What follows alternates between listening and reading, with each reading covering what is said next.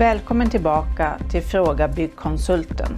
Podden där jag delar med mig av min erfarenhet och kompetens i byggbranschen. Det här är podden för dig som vill spara tid och energi i ditt byggprojekt, få goda råd av en kunnig person och vill undvika att bli lurad. Gå till frågabyggkonsulten.se och ta chansen att få svar på just dina frågor. Och mitt namn Eva Karlsson. Vad behöver du tänka på inför ansökan till kommunen? Ja, du måste ju först och främst veta om det är bygglov, rivningslov, marklov eller om du ska göra en anmälan. Och en anmälan, det måste du göra på de projekten som inte behöver bygglov. Många kommuner erbjuder numera digitala ansökningar och det finns två olika sätt som du kan göra detta på. Du kan mejla dina handlingar in till kommunen i pdf-format. Eller så kan du ladda upp dokument och fylla i en ansökan via en portal som använder BankID. Du har en blankett som du behöver fylla i. Då behöver du veta fastighetsbeteckning och adressen till ditt projekt. Och du behöver veta vem som du tänker anlita som certifierad kontrollansvarig om det krävs i ditt projekt. Blanketten ska du fylla i så noggrant som möjligt. Och det finns flera rutor du kan använda och du ska fylla i alla som gäller för ditt projekt. Är det en helt ny byggnad? Ja, det är för dig som ska bygga ett nytt hus.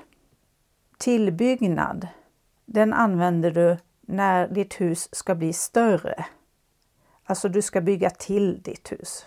En ombyggnad är om du ska göra om till exempel planlösningen i ditt hus och om det påverkar bärande väggar eller våtutrymme.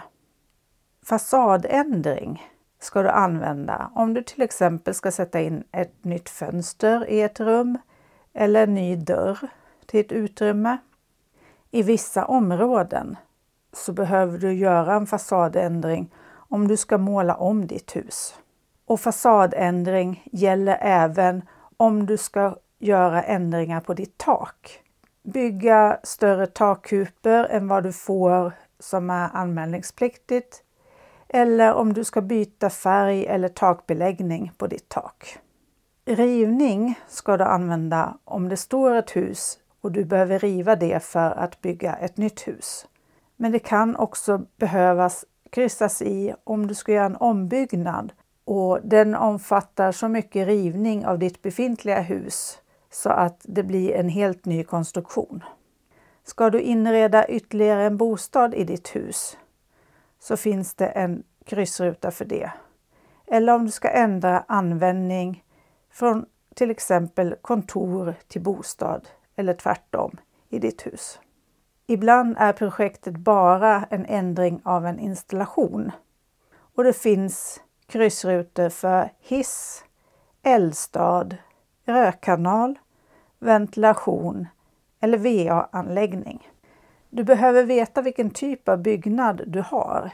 Om det är ett enfamiljshus eller flerfamiljshus eller om det är ett fritidshus, garage eller något annan typ av byggnad som du ska bygga till eller bygga om eller bygga nytt. För det kommer påverka vilka lagkrav som ställs på ditt projekt. Plan och bygglagen har en hel del undantag från lagstiftningen beroende på vilken typ av byggnad eller projekt du ska utföra. Det är också väldigt viktigt att i bygglovet ange vilket material och vilken kulör du ska ha på husets fasad, tak och fönster. Du behöver ange färgen med ett NCS-nummer. Det räcker inte alltså att skriva vit, svart eller röd till exempel, för det kommer bara leda till att du behöver komplettera ditt bygglov och då tar det längre tid. Du behöver också ange vilken typ av tegel du har. Är det tegel eller betongtegel? Ska du ha ett plåttak? Och ska du ha en fasad i trä eller ska du ha någon typ av skivor på din fasad så måste du ange det materialet. Ta reda på vilka handlingar du behöver för ditt projekt och se till att de uppfyller kommunens krav på utformning. Guider för detta finns på alla kommuners hemsidor. Så det finns mycket information och göra rätt från början. Vilka handlingar som ska lämnas in pratade jag om i säsong 1 avsnitt 3. Så gå tillbaka till den säsongen och lyssna på det avsnittet. Jag kommer även i nästa avsnitt att gå igenom de här handlingarna och dokumenten som ska lämnas in till kommunen lite mer i detalj så att du förstår skillnaden på de olika typer av handlingarna som finns. Tyckte du om det du har hört? Tryck tumme upp och skriv en kommentar. Och dela gärna till dina vänner så att fler får ta del av min kunskap. Om du vill ha svar på en fråga, stor som liten, så gå till frågabyggkonsulten.se. Du är aldrig ensam om att fundera på något.